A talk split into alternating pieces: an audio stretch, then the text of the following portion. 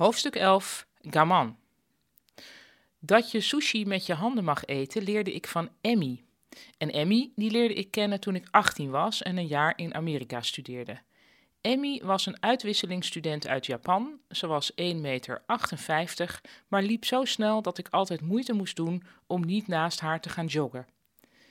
Ik wist nog helemaal niet wat ik wilde in het leven.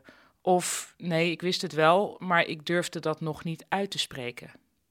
Emmy wist dat ze graag wilde werken met vrouwen met een handicap in ontwikkelingslanden en vertelde daar op een rustige en heldere manier over. En ze is dat geheel volgens plan gaan doen.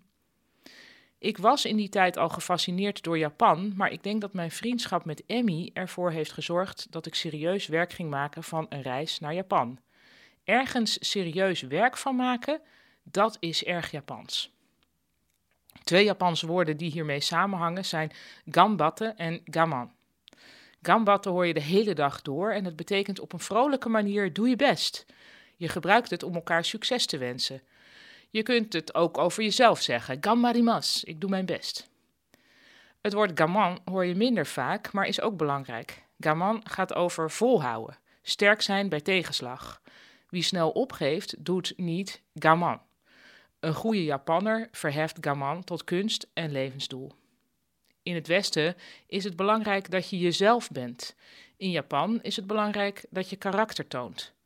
Dat was vroeger bij ons ook het geval, volgens mij. Wees een man, of iets meer unisex, als dagen niet slagen bij tijden, niet klagen, maar dragen en strijden. Tussendoor, dit is trouwens iets wat mijn oma uh, als een soort spreuk aan haar muur had hangen. En dat heeft ze ook nog um, in de laatste jaren van haar leven geborduurd voor mij. Dus ik heb dit nu ook op mijn werkkamer hangen en daar kijk ik af en toe naar. Goed. Het cultiveren van een stoïcijns karakter is bij ons uit de mode geraakt. Tegenwoordig moedigen we het juist aan om alle gevoelens te herkennen en erkennen.